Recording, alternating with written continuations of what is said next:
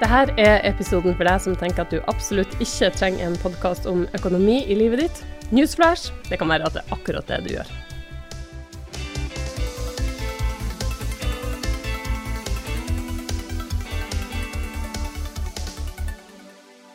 Jeg slår på lyset. Fremfor meg ligger det ullundertøy med små hold på knærne. Det er vintersko som har blitt for små. Det er bøker som skal gis bort. Gamle minner jeg ikke klarer å kvitte meg med. Dette er roteboden min, men det er også sånn privatøkonomien føles. Som et lite kaos som jeg vet at jeg burde ta tak i, lære meg mer om, rydde opp i, men som får meg til å synge på en sang som han pappa pleide å synge når jeg var liten. I morgen, i morgen, men ikke i dag.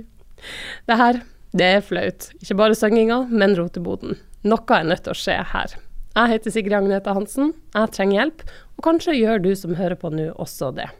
Med meg så har jeg kollega Ingrid Brun, hei og hallo. Hallo. Har du en rotebod? Ja, eller jeg har kanskje en sånn liten roteeske. Sånn isboks. To liters? Ja. du, det er jo sånn at forskning viser at damer i de fleste land har litt sånn dårligere økonomisk kunnskap enn menn.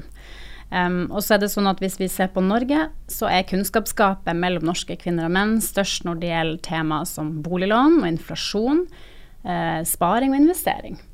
Eh, norske kvinner vi tar eh, mindre risikofylte investeringer. Um, de eier også mindre, og det gjør jo at menn har høyere kapitalinntekt. Litt sånn dyster statistikk der, men eh, det positive i de undersøkelsene er at syv av ti norske kvinner, når de blir spurt, oppgir at de er interessert, eller til og med svært interessert, i personlig økonomi. Så det er um, kanskje Det mangler litt på kunnskap, uh, men det mangler ikke på ønsket om å lære mer. Nei. Men slapp av. Her kommer vi seilende inn fra sida på et lite bananskall. Eh, og vi skal altså lage en podkast om økonomi.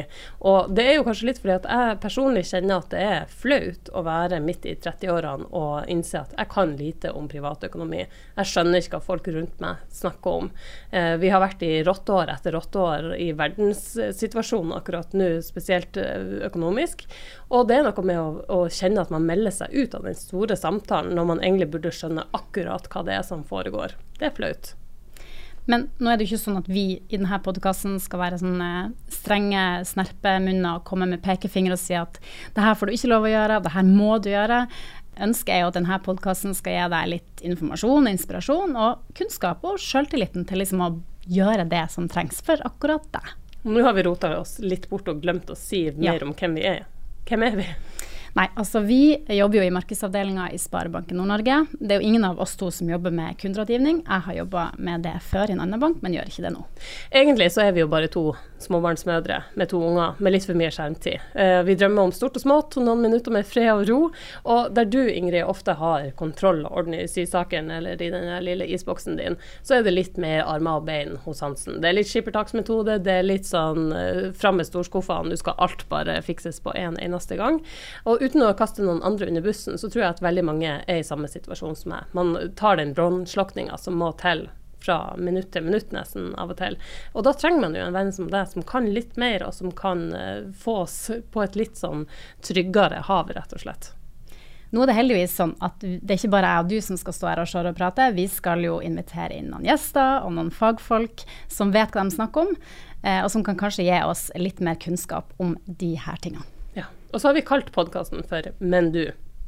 Og det er jo et slags alvor i det. For at av og til får man jo en sånn melding på Facebook f.eks. At det står bare 'men du'. Hva føler du da? Nei, det er jo magesug. Hva er det som er galt, tenker jeg. det er en alvorsprat som vi tenker at vi skal ta med folk, men alvorsprat egentlig uten pekefingre og følelsen av burde, burde, burde, burde som trenger seg på.